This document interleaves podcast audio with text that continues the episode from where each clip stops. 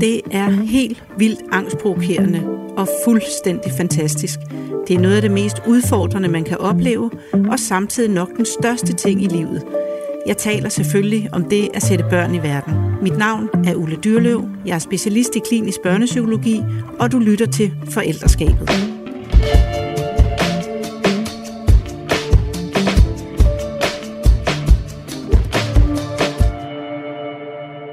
Velkommen til dig, Jesper Søndergaard Hemmingsen. Tak.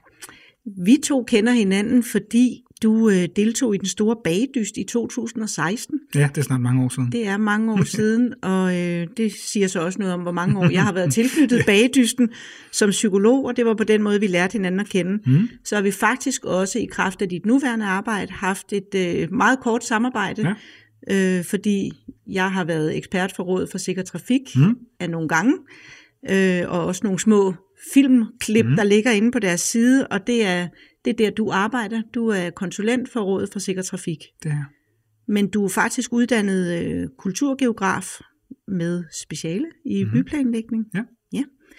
Så øh, helt privat, der er du øh, gift med Malene. Du er 38 år, og ja. du er gift med Malene, som er pædagog. Ja. Så hun er også inden for samme område som mig. Mm. Og så har I sammen Fine på fem år, mm. snart seks. Snart Hun er seks. lige startet i SFO. Det er meget vigtigt, når man er i den alder, at man næsten bliver seks. Det er meget vigtigt, Ja. ja. simpelthen. Jeg kan huske en gang, hvor jeg blev spurgt, hvor gammel jeg var, så sagde jeg 31 et halvt. Ja. Og så var- skreg de af grin, fordi det er kun Ja. sådan noget, man skal sige, når man er barn, Ja, lige åbenbart. præcis. Det er ikke så vigtigt, når man Nej. kan blive 38 Men det var 39. åbenbart meget vigtigt for mig på det tidspunkt. Øh, så har du en øh, Instagram-profil også, mm. hvor Mhm. du hedder, kalder dig en provins hipsters bekendelser. Ja, Ja, og hvor man også kan følge lidt med i, at I jo for nylig er flyttet fra Tornby til Asserbo mm. for at skabe noget mere balance sådan i livet generelt, Ja. ja. men også i det at være forældre. i høj grad. Ja, så det er selvfølgelig som familie der. Mm. Så ved jeg også, og muligvis kommer vi ind på det, og Ja. muligvis gør vi ikke, men at det var, har været, været ret svært for jer at blive gravid. Mm. Øhm, faktisk så tog det fire og et halvt år, så øh, endnu en gang kæmpe ja. tillykke med det Jo, lykkedes, tak. fordi det er Tak. jo, jeg har ikke selv prøvet det, men Nej. Jeg har talt med mange, der har kæmpet Ja. med at skulle øh, blive gravid, og jeg har også en fornemmelse af, jeg ved faktisk ikke noget, hvad tallene siger, men at der bliver flere og flere, Ja, der har svært ved det. Det er jeg ret sikker på. Vi er jo desværre, nu arbejder med statistik til hverdag også, og det er jo en, en lidt kedelig statistik, at så mange, øh, som vi kender bare personligt, der. Ja. der står i den situation, at den ene eller den anden årsag har svært ved at få børn. Ja, så Øh. ved du, om tallene også siger, Så at vidt det jeg ved, er så sådan? er det noget, der, der stiger, øh, og det kan der være mange grunde til. Ja, Jeg har faktisk en gammel gymnasiekammerat, som vandt en forskerpris for nogle år tilbage ved at forske i mænds fertilitet og alle de der talater og mikrobølgeovnsretter og sådan noget, vi fik op gennem 80'erne og 90'erne, var ikke noget, der ligefrem boostede mænds sædkvalitet sådan Nej. generelt. nej. Så jeg tror, vi heldigvis er vi øh, kommet længere med, hvad vi øh, indtager vores kroppe, Mm. øh, og nogle steder med alt det her PFAS-snak og sådan Ja. noget, så tror jeg faktisk overhovedet ikke, vi er kommet længere. Så det Nej. er et problem, der kommer til at fylde øh, i fremtiden også. Ja, og det, øh, jeg ved, at det også mellem jer to er, er din sædkvalitet, der er problematisk. Jeg har ja. ja. en øh, autoimmun sygdom, som øh, gør, Nå. at øh, jeg har svært ved det. Okay, og en autoimmun sygdom. Jamen det vil sige, det er en sygdom, hvor ens krop basically prøver at bekæmpe sig selv, så den øh, bekæmper mine egne øh, sædceller indenfra Ja. på en eller anden Nå, måde. okay, Øh, ja, så, som, som gør dem lidt øh, ukampdygtige i den øh, okay, øh, sammenhæng. ja. Nå, men hvor fantastisk, Ja. ja. at det lykkedes at få Ja, fine. ja. Ja. Øh, men jeg kunne rigtig godt tænke mig øh, at høre lidt om, hvordan du egentlig selv er vokset op. Mm. Jamen, jeg tror, øh, ligesom øh, flere andre siger, når de her besøger dig, at jeg er vokset op i det, man vel traditionelt vil kalde en dansk kernefamilie. Mor, far, to børn. I en øh, treværelses med stegeos, som min far plejer at sige, jeg var øh, men altså, jeg er jo også vokset op i en tid, hvor at, øh, det nærmest var unormalt, at øh, mine forældre øh, stadig er gift den dag i dag, Mm. øh, hvor de nu begge to er gået på pension. Altså så meget, at øh, det var lige før, jeg der i mine teenageår ønskede, at mine forældre nærmest skulle skilles, fordi det var så unormalt, at de stadig var sammen, når jeg kiggede på mine venner. Okay, Øh, så, øh, så ja, jeg er heldigvis vokset op i en meget øh, standard familie. Store søstre, fire år ældre end mig. ja. Øh, ja, i en lejlighed ude i, på Amager. Sådan meget Okay. standard familie. Ja. Mor var advokatsekretær, min far var kleinsmed mm. øh, på et kraftvarmeværk. Øh, ja, og du har dem begge to endnu? Jeg har stadig dem begge to. Åh, det er dejligt. Jeg har stadig en enkelt morfar også tilbage i en alder af 91, så Nå, fantastisk. nogle gode gener, der løber i familien. Ja, ja. Øh, og kan du huske, da du var barn, øh, hvordan du så på voksne? Og det kan både være fagpersoner, mm. og det kan være din familie selvfølgelig også. Altså det kan jeg faktisk huske ret tydeligt. Jeg tror, det er noget af det, jeg husker tydeligst fra min barndom. Og, og mine forældre kan stadig godt joke lidt med det i dag, men jeg var, øh, jeg var det, man i dag vil kalde et øh, hvidebegærligt barn måske. Mm. og det har jeg også selv fået, så øh, jeg kan virkelig spejle mig selv i, øh, i, i lille Fine, der snart bliver seks. Øh, fordi noget af det bedste, jeg vidste, var, når mine forældre skulle have venner på besøg. Øh, og så bare sidde og lytte på de voksne, der snakkede. Ja. Altså at være med i den der voksensamtale og blive klogere. Fordi at man jo som lille, ikke nok, men man så op til dem rent øh, fysisk, for ellers så kiggede man dem ind i navnen, mm-hmm. øh, så så man også bare op til det her med, at de var en eller anden autoritet, øh, og man, man lyttede på, hvad de sagde, og for det meste gjorde man også, hvad de sagde. Mm. Øh, så, så det husker jeg faktisk ret tydeligt, det her med at kigge på voksne som, som nogen, der vidste noget mere end mig, og hvis man skulle vide noget i livet, så det her om øh, folk med en lidt højere alder, de har som regel øh, lidt mere erfaring, man kan trække mm. på. Øh, både professionelt og, øh, og privat. Ja, ja. Og, øh, og har du, hvor har du gået i skole? Ude jeg har gået på en klassisk folkeskole i Tornby, der hedder Kastrupgårdsskolen. Ja. Og var det en, var det en god tid? Både og. Det kan være øh, lidt svært for hvidebegærlige børn. Jo. Ja, ja, altså... Øh, jeg er så uheldig, at øh, selvom jeg kun er 38, så, så nogle gange så kan jeg godt blive lidt uvenner med min krop, fordi den tror nogle gange, den er nogen 60. Øh, jeg har både en øh, kronisk tarmsygdom, og jeg havde problemer med at få børn, og øh, jeg er farveblind, og at jeg er også født med noget, der hedder calve pertus, som er øh, skæv hofteskål, no. som gjorde, at jeg som barn havde rigtig, rigtig svært ved øh, fysisk aktivitet. Mm. Øh, specielt hvis øh, det foregik i løb. Og hvis jeg gik for langt, så brød det hele, simpelthen, hele systemet sammen, og så måtte jeg på højskole og far sidde. Og det var ikke altid det fedeste at gå i skole. Nej. Øh, at have den udfordring med sig. Specielt når man havde en dansk lærer, der synes det var federe at øh, spille rundbold i dansktimerne, end det var at rent faktisk lære noget dansk. Ja. Øh, så der var nogle af de der øh, situationstegn, klassiske fodbolddrenge, der blev sat lidt op på en pedestal, og de der lidt mere øh, vedbegærlige, som så kede sig lidt i timerne, måske derfor snakkede lidt meget i timerne, mm. det kunne godt være mig, øh, ikke var lige så spændende. Men mm. så var det heldigvis sådan, at øh, selvom det var for mange år siden, og det jo egentlig var meningen dengang, at man havde det samme lærerteam fra øh, første til man gik ud af 9. At vi fik øh, både ny dansklærer og matematiklærer i de store klasser, og det var jeg meget glad for. Okay. Det var virkelig nogle fagligt dygtige lærere, øh, som vi fik øh, og de fik virkelig proppet noget i hovedet på, på os børn på ret kort tid. Ja, så, det så var, du var en, der rent faktisk virkelig gerne ville lære noget. Jeg vil, jeg vil faktisk rigtig, rigtig gerne lære noget, og øh, hvis jeg nogle gange var lidt hurtigere end klassekammeraterne og sad og kede mig, så kom jeg til at snakke. Så derfor så sad jeg også på ja. første række stort set i, i 10 års skolegang. Så de kunne holde styr på så dig? Så de kunne holde styr på, ikke så snakkede ned bagved. Ja, nå. Så du har, altså, men, altså, det, der har gjort, at du har haft det svært, lyder meget som om, at det så har været de sygdomme, du har haft. Ja, øh. altså det er jo ikke noget, jeg gik rundt og tænkte på hver dag, men det var jo bare sådan, så, så er det jo særlig, så, så er der fodboldskoleturnering, hvor alle drengene i x antal klasser skal stille op til at spille skolefodbold, og der var det sgu ikke lige mig, der blev valgt som Nej. den første tværtimod. Mm. Øh, men så kunne man heldigvis noget andet, og jeg har altid været øh, jubeloptimist, så øh, i stedet for at fokusere på alt det, man ikke kan, så synes jeg, det er meget skønt at fokusere på alt det, man kan i stedet mm. for. Og så kunne jeg noget med min hjerne. Ja. Øh, og så kunne jeg stille, spørg- stille de rigtige spørgsmål øh, til de voksne, og, øh, ja, og, og blive klogere, i stedet for måske at løbe rundt og sparke efter en bold. Ja. Øh, så kunne jeg noget andet. Ja. Men altså, jeg husker tilbage på skolen som noget virkelig, virkelig dejligt. Øh, de bedste venner, jeg har i dag, er fra min folkeskoletid. Nå, det er da fantastisk. Øh, og stadig ses med øh, på, på meget, meget jævnlig basis. Så det er virkelig en tid, jeg øh, er glad for, at jeg har et barn, der skal starte i skole, fordi alt det, jeg tager med fra skolen, er noget, jeg håber, hun kommer til at gennemleve os, og mm. få de bedste venner dengang var igennem. Ja. Og inden vi øh, springer tilbage til tiden lige øh, inden det så lykkedes, mm. at øh, Malene blev gravid, så kunne jeg da godt tænke mig at høre, øh, nu skal du så flytte fra Tornby. Ja. Du har boet der i 38 mm. år. Ja. Vi flyttede for et år siden, ja. Når I er flyttet? Vi er flyttet siden. Ja, okay. Ja, ja. Ja. Jeg har faktisk lige været forbi i dag, fordi at øh, nogle anker har jeg beholdt, blandt andet min tandlæge, Ja. ja. som jeg kender øh, personligt, så derfor har jeg beholdt min tandlæge på Amager og kørt derud.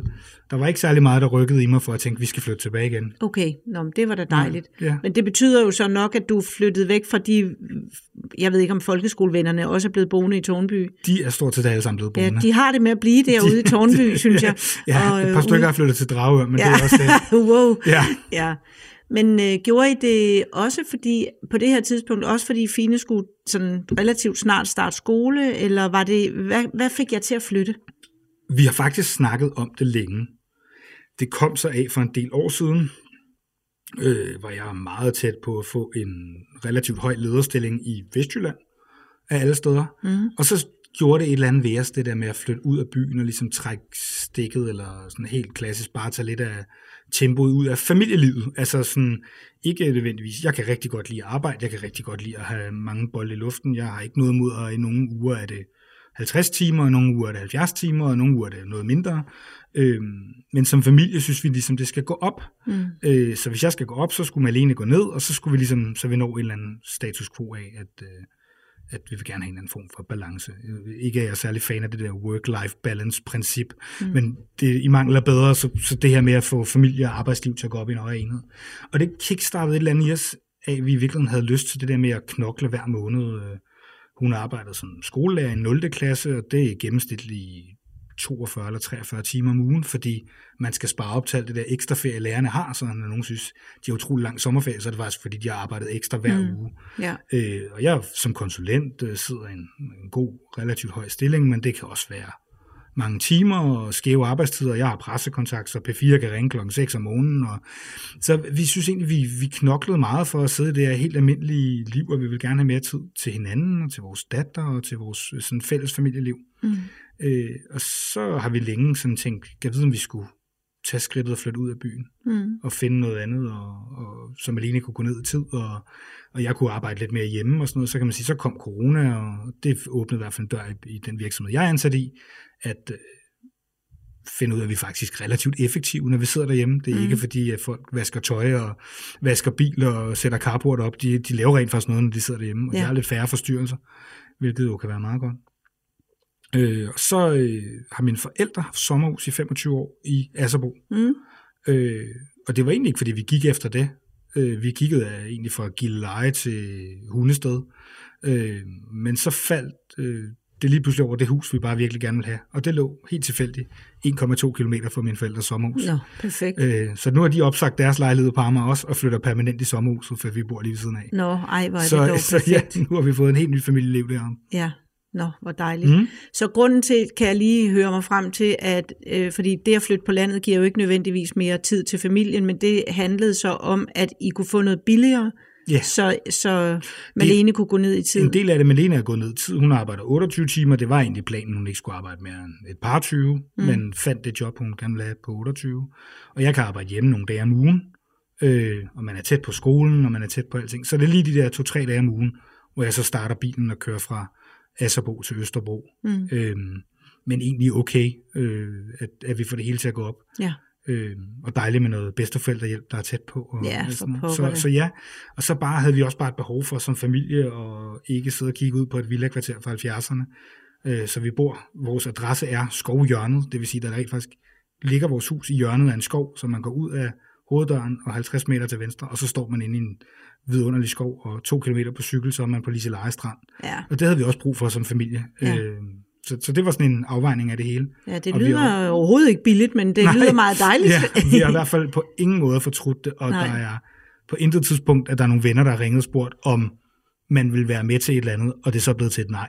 Nej. Fordi det er sådan set bare noget praktik, man skal have til at gå op, og det kan man også godt, ja. når man er 50 minutter væk i bil. ja, ja, det kan man. Vi er ikke flyttet til Aalborg eller. Færøerne, altså vi er bare flyttet øh, til provinsen. Ja, præcis. Og ja. Der er ikke engang en bro, der nej, koster noget at skulle hen over. Nej. Men øh, Jesper, kan du, øh, det kan du selvfølgelig, fordi til så mange år er det jo ikke mm. siden, sådan skrue tiden tilbage til, da det, nej, måske hvis du vil fortælle en lille smule om det der mm. Mhm. knokkel med ja. Overhovedet at lykkes med at blive Mhm. gravid. Det er i hvert fald en ting, jeg godt kunne tænke mig at høre lidt om, Ja. Øh, inden vi når til, da det så lykkedes. Mhm. Ja. Jamen altså, jeg, jeg, jeg plejer at sige til alle, at det, det er jo sådan en floskel, man siger, men det er ikke noget, man ønsker for sin værste fjende, at skulle i fertilitetsbehandling. Øh, slet ikke der, hvor vi endte, øh, fordi det er det der mikroinseminering, som det hedder, hvor det er ægudtagninger og hormonboostning og kunstig overgangsalder. Oh. Og øh, det er den helt store øh, mølle. Øh, og det kan være hårdt nok med helt almindelig inseminering med sæd i en petriskål og ind mm. en sprøjte. Men det her med, at det er sådan en proces, hvor man gang på gang får at vide, og det var et godt resultat. Det var faktisk en fin sædeprøve. Der kom nogle flotte æg ud, og Eva ser det godt ud, og så går der to uger, og så blev det igen ikke til et barn. Ja. Øhm, det er en øh, noget opslidende proces øh, mentalt. Ja. Mest af alt. For mig, som ikke var i hormonbehandling. Derudover var det så også rent fysisk noget af en øh, bedrift for Malene, fordi det var jo som sagt næsten tre år i det her, hvor man hver anden måned bliver sat i kunstig overgangsalder for at ingen æg ud. Så kan man nogle måneder efter booste, og så måske få 8-10 æg ud. Se, hvor mange af dem, der oplever og overlever, og så kan komme, blive sat op igen løbende. Mm. Så det, er ikke en, øh, det er ikke en særlig øh, sjov proces at være i. Nej. Øhm, og vi gjorde mange ting for os selv. Vi var gode til at tage pauser, øh, ringe op til hospitalet og sige, at vi bliver nødt til lige at tage tre måneder, hvor vi har sommerferie og gør noget andet. Mm. Og øh, som par, der havde behov for at kaste sin kærlighed på noget, fik vi også en hund. Ja. Øh, fordi øh, lille Manfred, han skulle have noget kærlighed, for nu var der ikke noget barn, der kunne få det. Og det var faktisk også derfor, jeg meldte mig til den store bagdyst, fordi der var bare et behov for at gøre noget for os selv. Mm. Altså noget, vi havde lyst til. Øh, vi holdt ikke noget bryllup, selvom vi skulle giftes, fordi der var hormonbehandlinger, og Malene havde ikke lyst til at sidde i en fin hvid kjole og være i hormonbehandling og sådan noget. Nej. Så der var mange ting, der blev sat på standby i de der mange år i virkeligheden. Ja. Så på et eller andet tidspunkt, så havde vi bare lyst til at gøre noget for os selv. Mm. Øhm. Og var I også nogle af dem, hvor, hvor der folk spurgte meget til det, eller var I, og kunne I lide, hvis folk spurgte, eller var det irriterende? Mm. Eller? Ja, det er både og, for det kan jo nogle gange være en dagsform. Jeg synes jo, jeg var meget åben omkring det. Jeg snakkede også om det i, øh, i bagdysten i bedste sendetid, og dengang var det om onsdag kl. 20, øh, og halvanden million, der sad og så det, og når man mm. vælger at stå der og sige, at øh, man bærer en kage til det barn, man håber at få en dag, så er det helt klart, det kaster noget opmærksomhed af sig. Mm. Og det vidste vi også godt, det ville. Men vi synes, der var behov for en åbenhed, fordi der var så meget tabu omkring det her med ikke at kunne få børn, og der var faktisk ikke særlig mange mænd, der snakkede om det, og så snakkede vi om det derhjemme, at for mig var det faktisk lidt vigtigt at sige, jeg føler mig ikke øh, mindre mandig eller mindre maskulin. Øh, I hvert fald ikke på grund af, at jeg ikke kan få børn. Nej.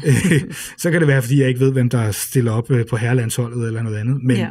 men, øh, men ikke på grund af det. Så det synes jeg, der var behov for at snakke om, at det var et samfundsproblem, og der var meget få, der snakkede om det. Øh, men det var klart, at der var nogle dage, hvor folk spurgte, hvor man ligesom bare var sådan, det har jeg egentlig ikke lyst til at snakke om i dag. Ja. Og det synes jeg faktisk, folk var gode til at respektere. Ja.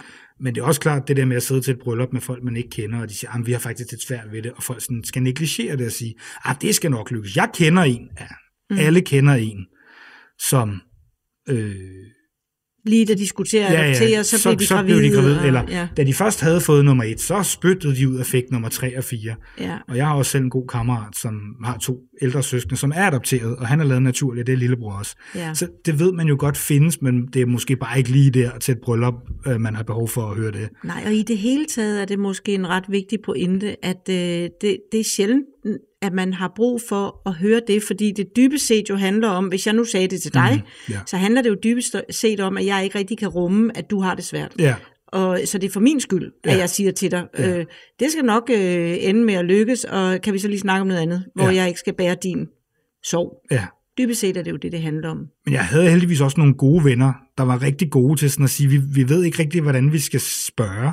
Nej. Og, så, og bare det, de siger det, så siger man, ved I hvad, hvis I bare gider at spørge, om jeg har lyst til at snakke om det, så kan jeg sige ja eller nej. Mm. Det er faktisk det vigtigste, jeg kan gøre. Bare ja. sige, hvordan går det med det, og hvis du ikke har lyst til at snakke om det i dag, så er det også helt fint. Og nogle dage har man bare lyst til, ved du, i dag drikker vi bare en kold øl, og så snakker vi om et eller andet fra gamle dage, og jeg kan, slem, jeg kan ikke lige rumme det i dag. Mm. Og nogle dage, så kunne vi bruge en time på at snakke om det. Ja. Og det var egentlig det vigtigste, synes jeg. Altså både venner og familie, at de ligesom fik en forståelse af. Det var ikke forkert at spørge, men det, er også, det skal også være okay at få at vide, mm. det har vi simpelthen ikke lige lyst til at snakke om i dag. Ja, ja, og det kan jo være mange forskellige ting, der er forbundet med det. Det kan jo både selvfølgelig være det helt oplagte øh, skuffelsen, når det ikke er lykkedes, men det er jo også øh, sindssygt hårdt for parforholdet. Mm-hmm. Og som du også var inde på, øh, ekstremt fysisk hårdt for kvinden. Ja. Øh, at være i det hormonen øh, rutsjebane helvede, det ja. jo øh, må være. Det, det er det virkelig. Ja, altså så... der er virkelig nogle eftermiddage, hvor man bare siger, du ligger bare på sofaen, fordi når man så har været når man så også arbejder med børn, og har været øh, 0. klasses lærer med 24 øh, skundende unger, der så har råbt og skrevet i 8 timer, mm. og så mm. kom hjem og skulle forholde sig til det der med, at man ikke selv har fået et barn, ja. øh, og man er helt flad, flad på grund af hormoner, så har man bare behov for ikke at se andre mennesker, ja. og ligge på sin sofa. Ja. Øh, og det skal der også være plads til. Ja. Men, øh, og det lykkedes ikke før, altså der har ikke, hun har ikke aborteret nogen gange? Og hun har været gravid uden for livmoderen, og okay. øh, er øh, aborteret i Øh, tidligt og sådan noget. Så okay. vi har prøvet heldigvis det her positivt, men så igen noget, der bliver vendt til noget meget negativt. Ja. Øh, helt konkret okay. blev jeg faktisk ringet op midt i en bagdyst udsendelse om, at Malene havde rapporteret. Det er lidt svært at stå og lave tv, man ved skal vises til halvanden million mennesker. Ja. Når man lige har fået at vide, at man troede, den var der, og så gik der tre uger, så var den der ikke alligevel. Ja, ja for på. Hvad, så, men du gjorde det? Ja, af en eller anden urensagelig årsag fik jeg gennemlevet det, men jeg kan selv se, hvad program det er, hvis jeg genser det i dag. Ja. Jeg kan, og jeg kan tydeligt se, at det er mellem den her optagelse og den her, jeg har fået det at vide. Mm. Men hvis man ikke kender mig, så kan man sikkert ikke se det. Nej, nej. Ja, det er vildt, hvad ja. man øh, faktisk gør. Der er et eller andet, hvor man sætter et filter på og tænker, det forholder jeg mig lige til om nogle timer. Ja. Eller, ja. Ja, det ved som, du sikkert mere om, end jeg gør. Det gør jeg, men jeg, kan i hvert fald, jeg ved i hvert fald, at det ikke er sundt. Nej, det, det, det kan jeg da det, sige det, i hvert fald. Det var det ikke, men lige der, så øh, ja. Ja. Øhm, så da det lykkedes nu med Fine, mm-hmm. så gik der vel også noget tid før. Øh, kunne I glæde jer?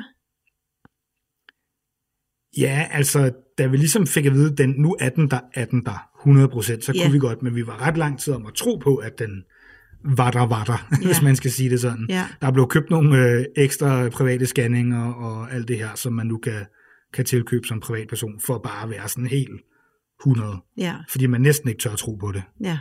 Øhm. Og er det så meget det, den graviditeten gik med, eller nåede du til et punkt, hvor du sådan, nu er den der, altså nu ved vi, det bliver, så jeg kan begynde at tænke over det, at skulle være far? Ja, der var ikke den der sådan klichéagtige, filmagtige, nu skal du være far, så er det sådan hammer i hovedet. Mm-hmm. Det, det var virkelig sådan en, en gradvis tilvænding til, gud, nu er det faktisk rigtigt. Ja. Altså, om det er, mens man står nede i baby Sam og kigger på barnevognen, eller hvornår det egentlig helt præcis kom, det ved jeg faktisk ikke. Nej. Men der var et eller andet tidspunkt, hvor det blev meget virkelig. Og for jeg kunne jo heller ikke mærke alt det her liv. Det er jo ikke min mave, der er ligesom... Jo, den voksede også, men det havde ikke noget med, med det, det var sympatimaven. Det var sympatimaven.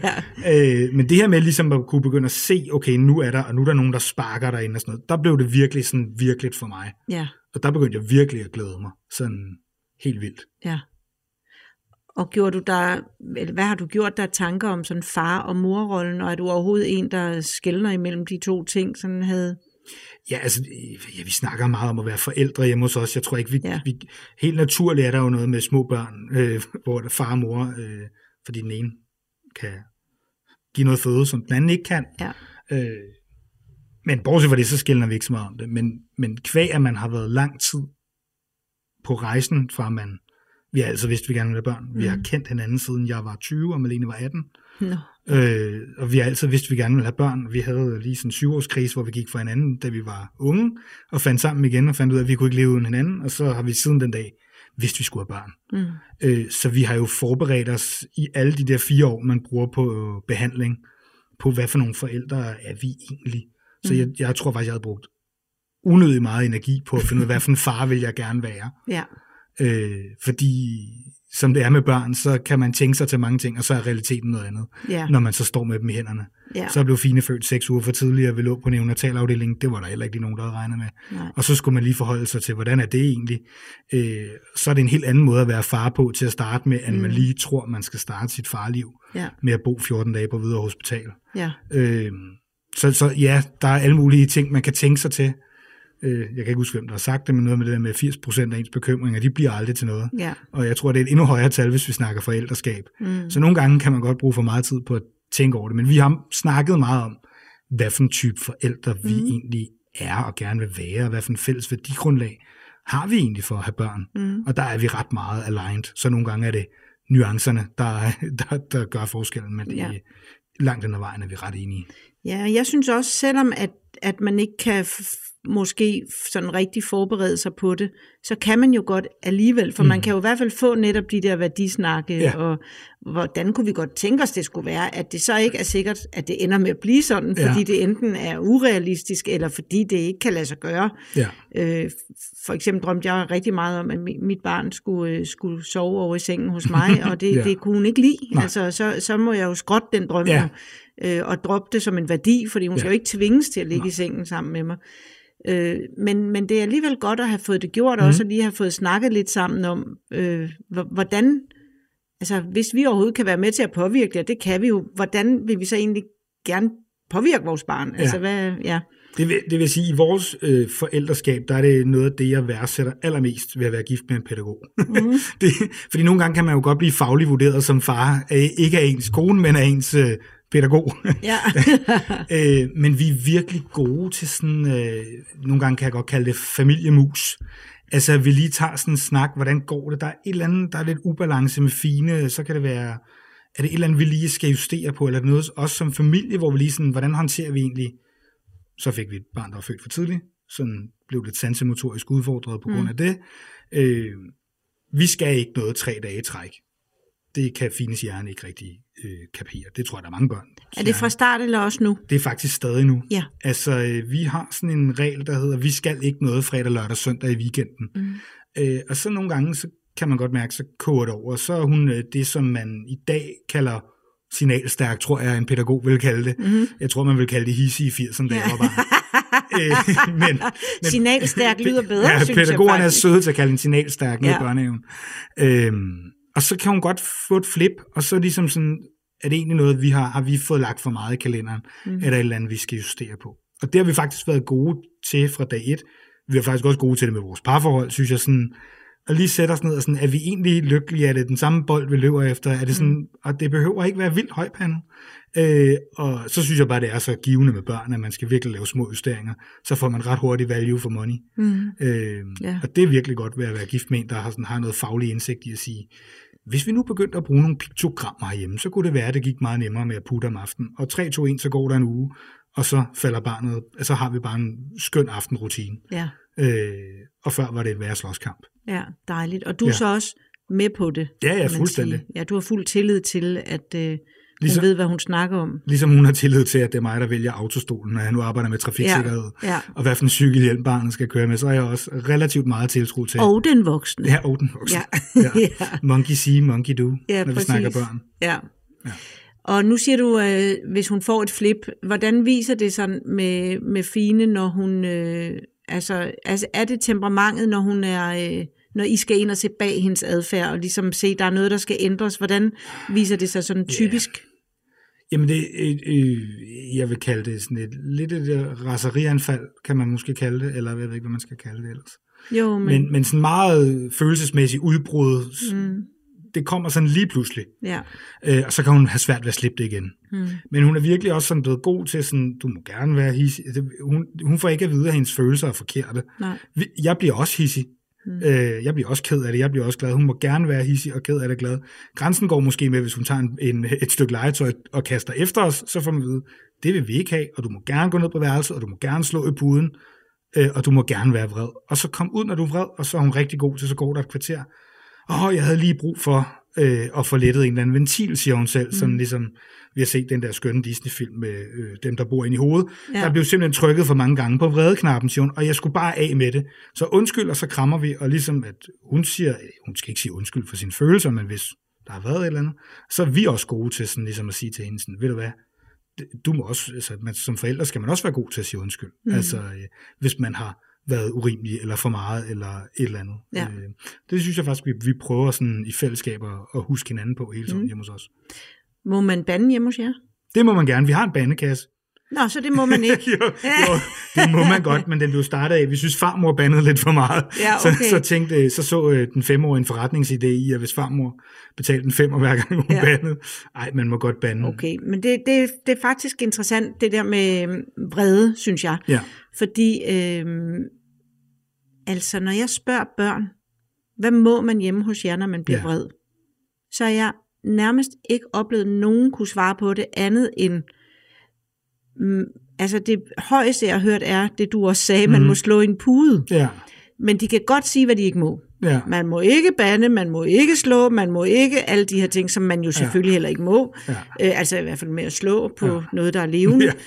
Ja. Øh, Så men får en tur, så ja, vi og der, så, så, så spørger jeg forældrene, Ja, så kan de heller ikke svare på det. Så Nej. det er altid lidt interessant, fordi jeg synes, vi lever lidt i en kultur, hvor vrede sådan er... Øh, det er ikke så godt. Altså, vi skal være så meget pæne Ja. og kunne udtrykke alt med ord. Og, øh, så synes jeg, hjemme hos mig har man ja. for eksempel også lost til en dørkarm. ja, ja. Og på et tidspunkt havde jeg en pige, det er sådan en lidt sjov historie, der kom her, det er mange, mange år siden, øh, og hun havde smidt en vase ud gennem vinduet fra tredje sal. Det er Ja. et meget vredt barn, og Ja. potentielt set utrolig farligt. ja. Så der skete heldigvis ikke noget, og så kommer hun her ind i praksisen, og så øh, havde jeg på det tidspunkt sådan en makulator, plastikmakulator til 99 kroner i Føtex stående i hjørnet, og så, øh, så siger jeg til hende, det er jo ikke sikkert, du ved det, men altså, ved, ved du egentlig, hvad du har brug for, når mm. du bliver vred? Og så kigger hun bare hen på den der, så siger hun, hvad er det?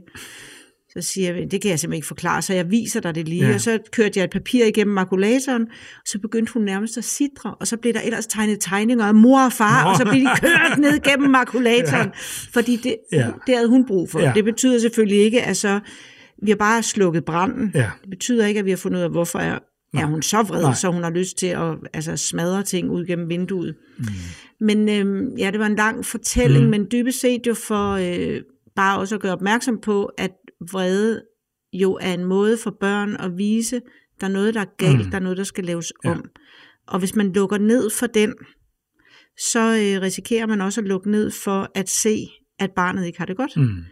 Så øhm, Men, ja, men hun må, man må meget gerne være vred hjemme hos os, og man må også godt sige dumme mor og dumme far, ja. Og I nogle idioter, fordi jeg kan godt genkalde i en alder af 37, at jeg også synes, mine forældre var nogle idioter.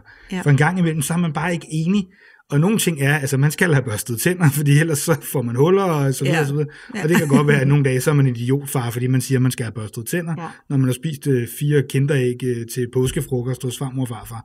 Og så er man lidt en idiot. Og det må man gerne kalde os. Det, det tager jeg ikke skade af.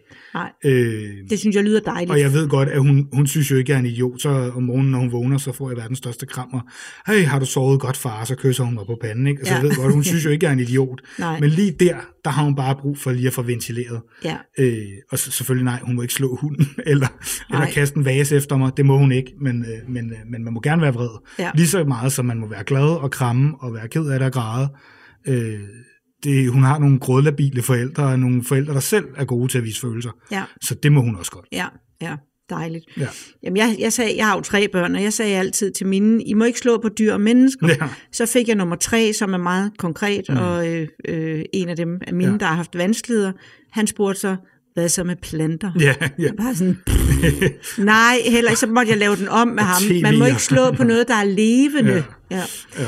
Men, øh, men det er bare i hvert fald også en anbefaling herfra. Mm, ja. Også at man ikke går så meget op i, om de netop siger dumme mor og dumme mm. far, alle de her ting. Bare de egentlig gør det, man gerne vil have dem til, så Ja. lad, dem, øh, lad dem koge og boble, imens de gør det. Jeg tror, i starten var jeg sådan lidt god til at sige, det, det er sprog, det, det kalder man ikke andre. Og så var Malene sådan, vil du hvad, lad det glide. Altså, Man kan ikke for se, at Jesper sad og løftede pegefingeren nej. samtidig her også. Men hvor jeg sådan lidt, ved du hvad, du har egentlig ret, men jeg skulle lige have det at vide af en anden voksen, ja. Fordi det er faktisk noget af det, der kom bag på mig som forælder, det er, at jeg har altid anset mig selv som den mindst temperamentfulde i min familie. Ja. Øhm, og det, det har åbenbart ligget sådan lidt latent derinde et eller andet sted. Jeg har også et temperament, der gemmer sig derinde.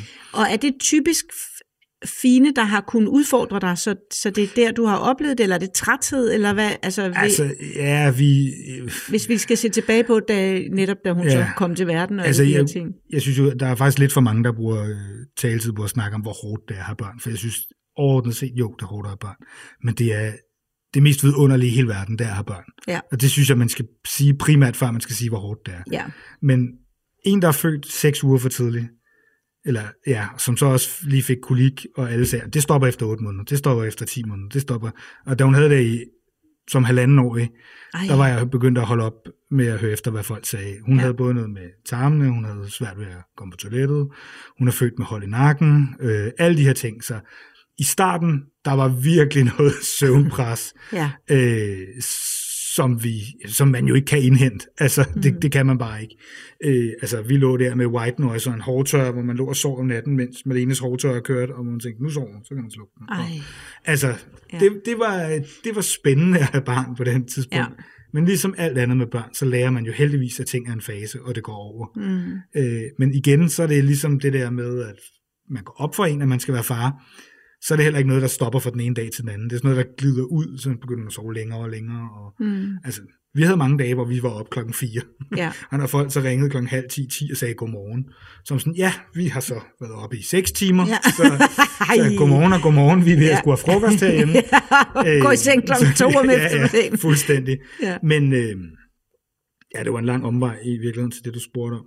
Men, øh, Jamen, det var vreden men, der. Men vreden der, sådan, der var helt klart i starten sådan noget, puha, vi er godt nok lidt lave på batterier. Mm. Men nu her er det jo bare lige præcis de ting, jeg selv har, som er det, hvor vi kan fare Ja. i flint nogle gange. Ja, det er virkelig sjældent, vi gør det. Mm. Så det er jo ikke, fordi det skal være... Men jeg tænker, der er måske også nogle mønstre, øh, det gør de fleste i hvert fald, tager nogle mønstre med, og det bliver man først opmærksom på, når man bliver forældre første gang jo Ja. især, at man pludselig bare står og fører noget videre, som man Ja, ja. selv har set, Ja, ja. Indtil man pludselig enten selv kan høre, hvor dumt det lyder, eller nogle andre siger det til en. Ikke? Ja, det, det synes jeg faktisk, altså sådan, vi snakker faktisk tit om det hjemme hos os, hvor meget der trods alt sker for generationerne. Vi begynder så at snakke om vores bedsteforældre, og det med at være far, Mm. var noget helt andet.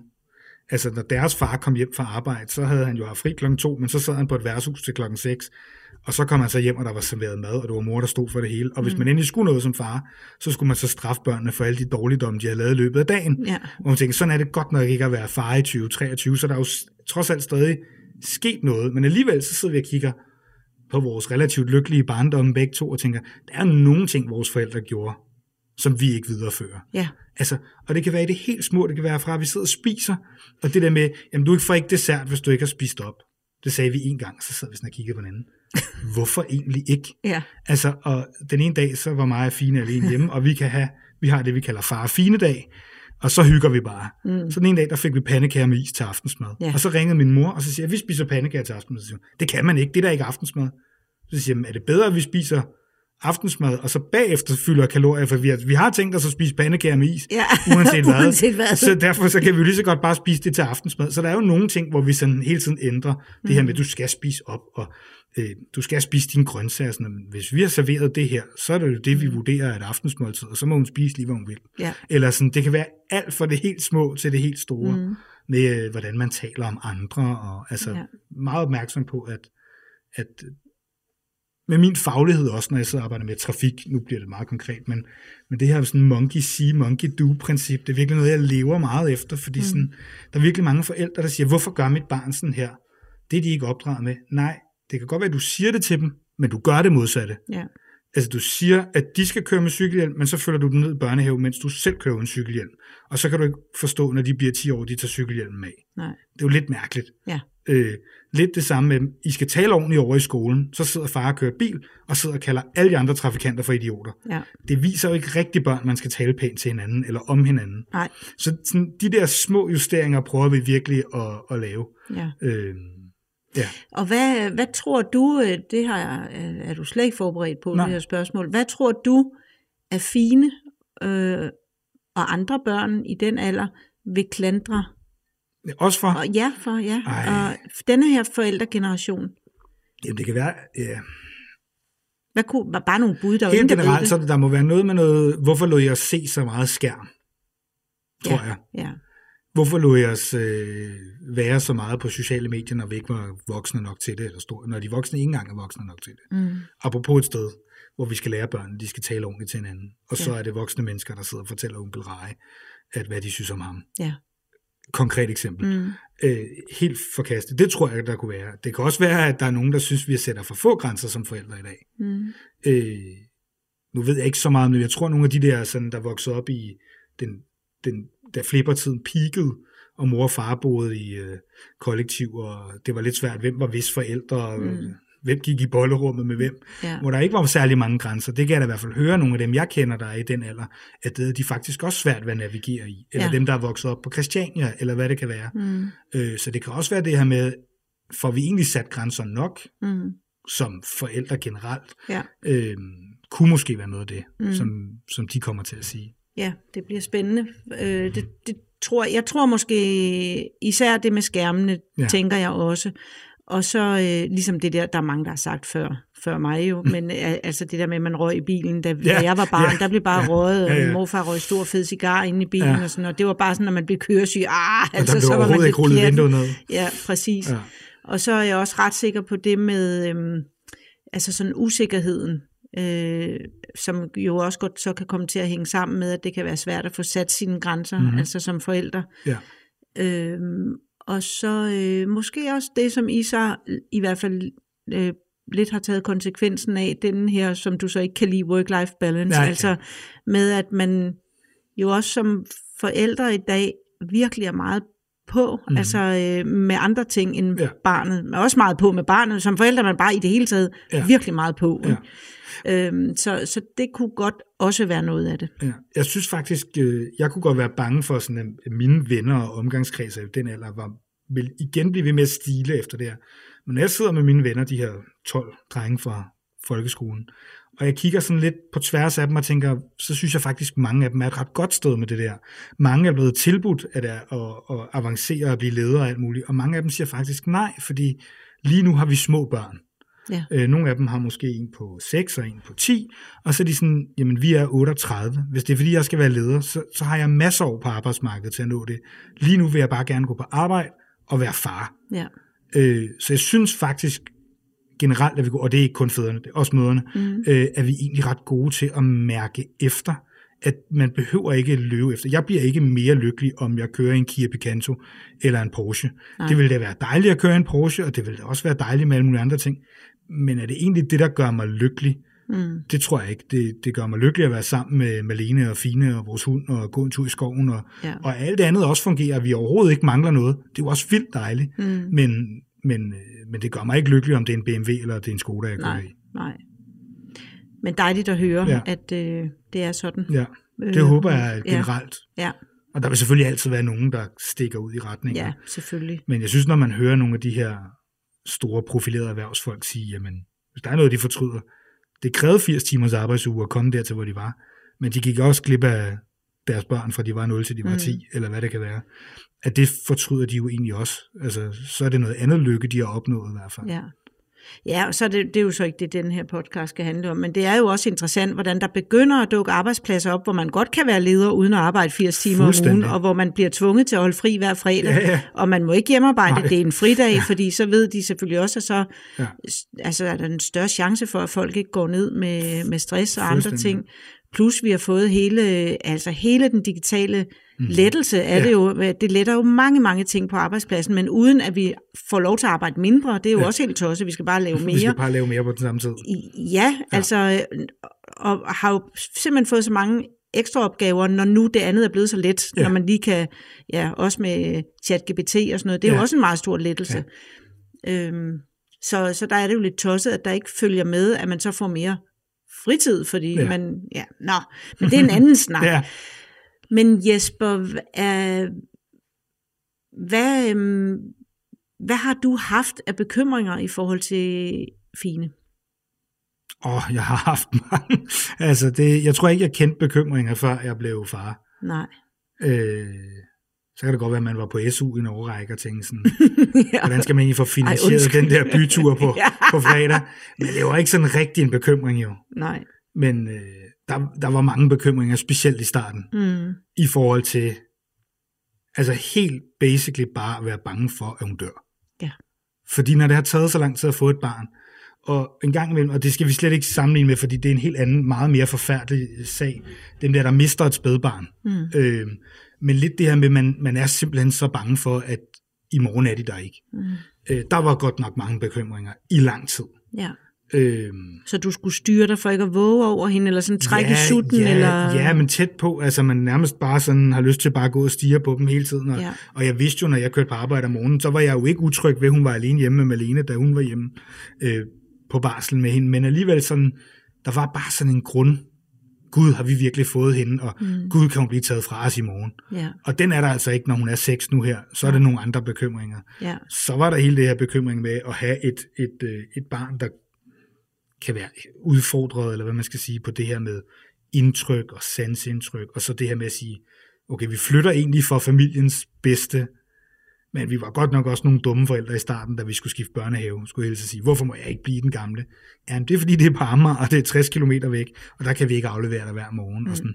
Så er det nogle meget mere lavpraktiske bekymringer, der Ja. fylder i dag, ja. om øh, helt almindelig trivsel for et, øh, et barn i dag. Jeg vil så bare rose øh, pædagoger og lærere, der hvor vi flyttede ind. Mm. Fordi det har virkelig været en øh, genial overgangsfase, de nu har lavet fra, at det er 14 dage siden, at vi startede i, eller Fine, jeg bliver med at sige vi, Ja, Fi- Fi- Fine startede i SFO. Det er, det er ikke vi, der har startet. Men der har været sådan et virkelig godt forløb, og hun har bare glædet ind i det, og jeg har aldrig haft så lykkeligt et barn, som jeg har haft de sidste 14 dage. Nå. Og så kan man jo ikke andet end at være øh, lykkelig som far, nej. eller som forældre Nej. generelt. Og nu er hun simpelthen startet i skole, Nu altså, er eller det gør hun sådan helt rigtigt ja. efter sommerferien, Og kan man havde en sige. af pigerne fra første klasse med hjem på legeaftale forleden af. Det er så også naboen, men altså, Ja, bare, det, det var meget, øh, de, man ser nærmest konfirmationsbilledet sådan på sin indre film allerede. ja, Jeg tænkte, gud, hvor, hvor, hvordan skete det lige? Jeg synes Ja. lige, vi har ligget med de her to kilos øh, babyklump ude på Hvidovre i en, øh, ja. ja, i Og, det, og jeg var til koncert med Søren Hus her mm. For, er det en måned siden, tror jeg, ude i DR's koncertsal. Mhm. Og der havde han lavet en, øh, sang han en sang, som Mhm. jeg i hvert fald ikke har hørt før. Mm. Øhm, hvor han synger om, at hans, øh, det er sådan en blanding af, hans datter går afsted med hestehale, Ja. og er, tror jeg, på Fines Mhm. alder, sådan seks år, og går stolt alene ned for første gang og skal købe brød i, hos bageren. Ja. Og så glider han sådan over i, at hun har fået ring i næsen, og hun er på efterskole, og hun har fået farvet Ja. håret, og hun har fået sådan... Og, og Ja. så det næste er selvfølgelig, at de så flytter hjemmefra. Ja. Så øhm, det er i hvert fald en ting, som jeg virkelig erfaret. Jeg kunne ikke forstå, inden mine børn startede skole, kunne jeg simpelthen ikke forstå, når folk sagde til mig, tiden går så hurtigt. ja, For det synes jeg, jeg var også studerende. Jeg synes overhovedet Ja. ikke, tiden gik hurtigt. Jeg synes, det passede meget godt med den tid, det nu var. ja, at der var 60 minutter Men på fra en time. det og- øjeblik, de startede skole, Ja. og jeg startede med at have et arbejde, Ja. øh, frem for at være studerende, Mhm. der synes jeg del med det er gået stærkt. Altså Ja. der er det virkelig sådan, så jeg synes, at det, de lige nærmest var startet skole, og så skulle de, som du siger, Ja. konfirmeres, og Ja. altså der, der løb tiden pludselig. Og det er jeg meget spændt på med dem, der ligesom også vælger at gasse helt ned, og måske ja. øh, øh, helt holde op med at arbejde, ja. om de oplever det anderledes. Hvor meget der ligesom handler om, at man Øh, altså jeg har virkelig også arbejdet mm. meget, øh, og jo også store øh, dele af min tid været alene mor. Ja.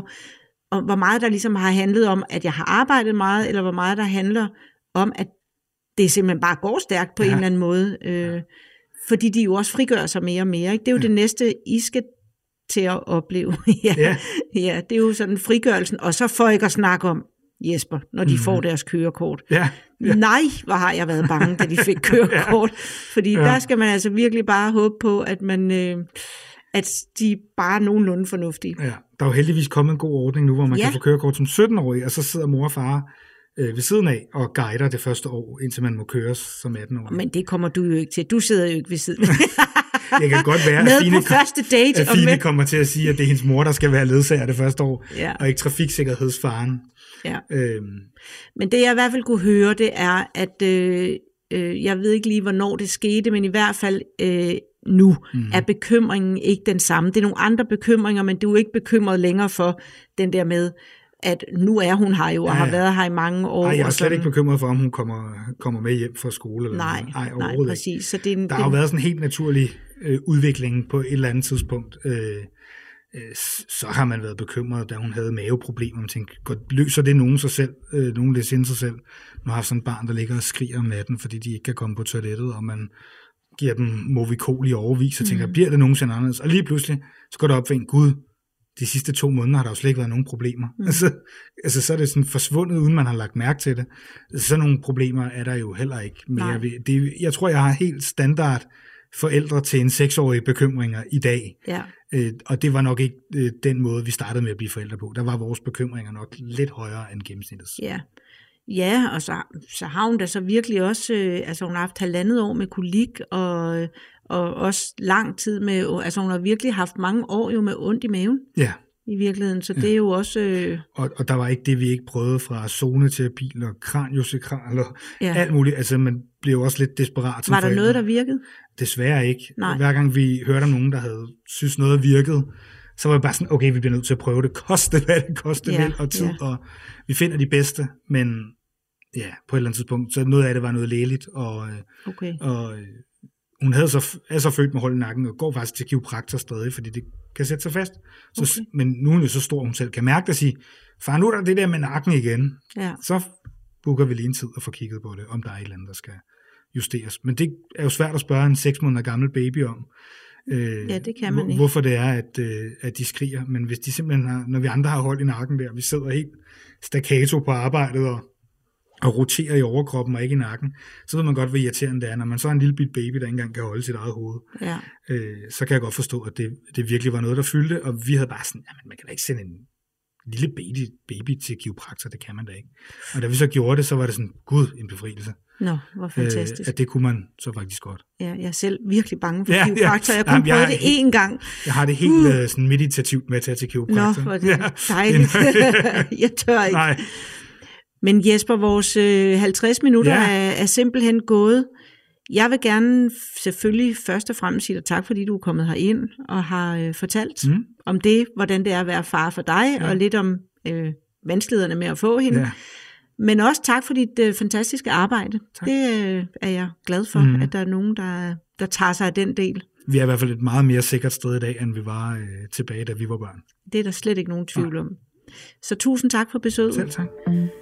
Imens jeg har dig, vil jeg gerne henvise til en lille guide, jeg har lavet. Den er til forældre, der gerne vil være sikre på, at de spotter tegn på mistrivsel, eller måske går rundt med en lille mavefornemmelse med, åh, jeg tror, der er et eller andet i vejen. Så vil guiden være med til at give dig en afklaring på det. Du kan hente den på spotmistrivsel.dk, og den koster kun din e-mail. Jeg er selv ret stolt over den. Men uanset hvad, så vil jeg bare sige tak, fordi du lyttede med.